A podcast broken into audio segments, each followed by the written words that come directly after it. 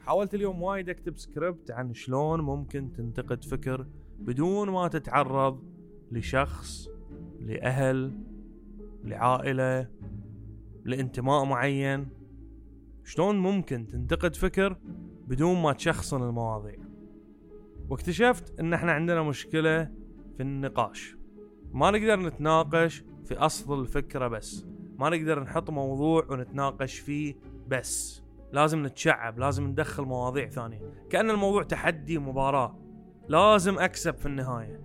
فإذا ما قدرت عليك في هالنقاش راح أدخل ستين ألف موضوع بس عشان أوصل في النهاية أني أرضي غروري أن أنا قدرت أنتصر عليك. في نقاش فكر مو الهدف أنه منو غالب منو مغلوب. الهدف أن كل واحد يوصل وجهة نظره. اقتنعت؟ أهلا وسهلا. ما اقتنعت؟ بعد أهلا وسهلا. مو لازم الموضوع يصير تحدي وانتصار ومنو فايز ومنو خاسر وكل واحد يجيب مجموعته اللي بيصفون وياه وتشوفوننا إحنا أقوى منكم. مواضيع ما تنوخذ بهالطريقة.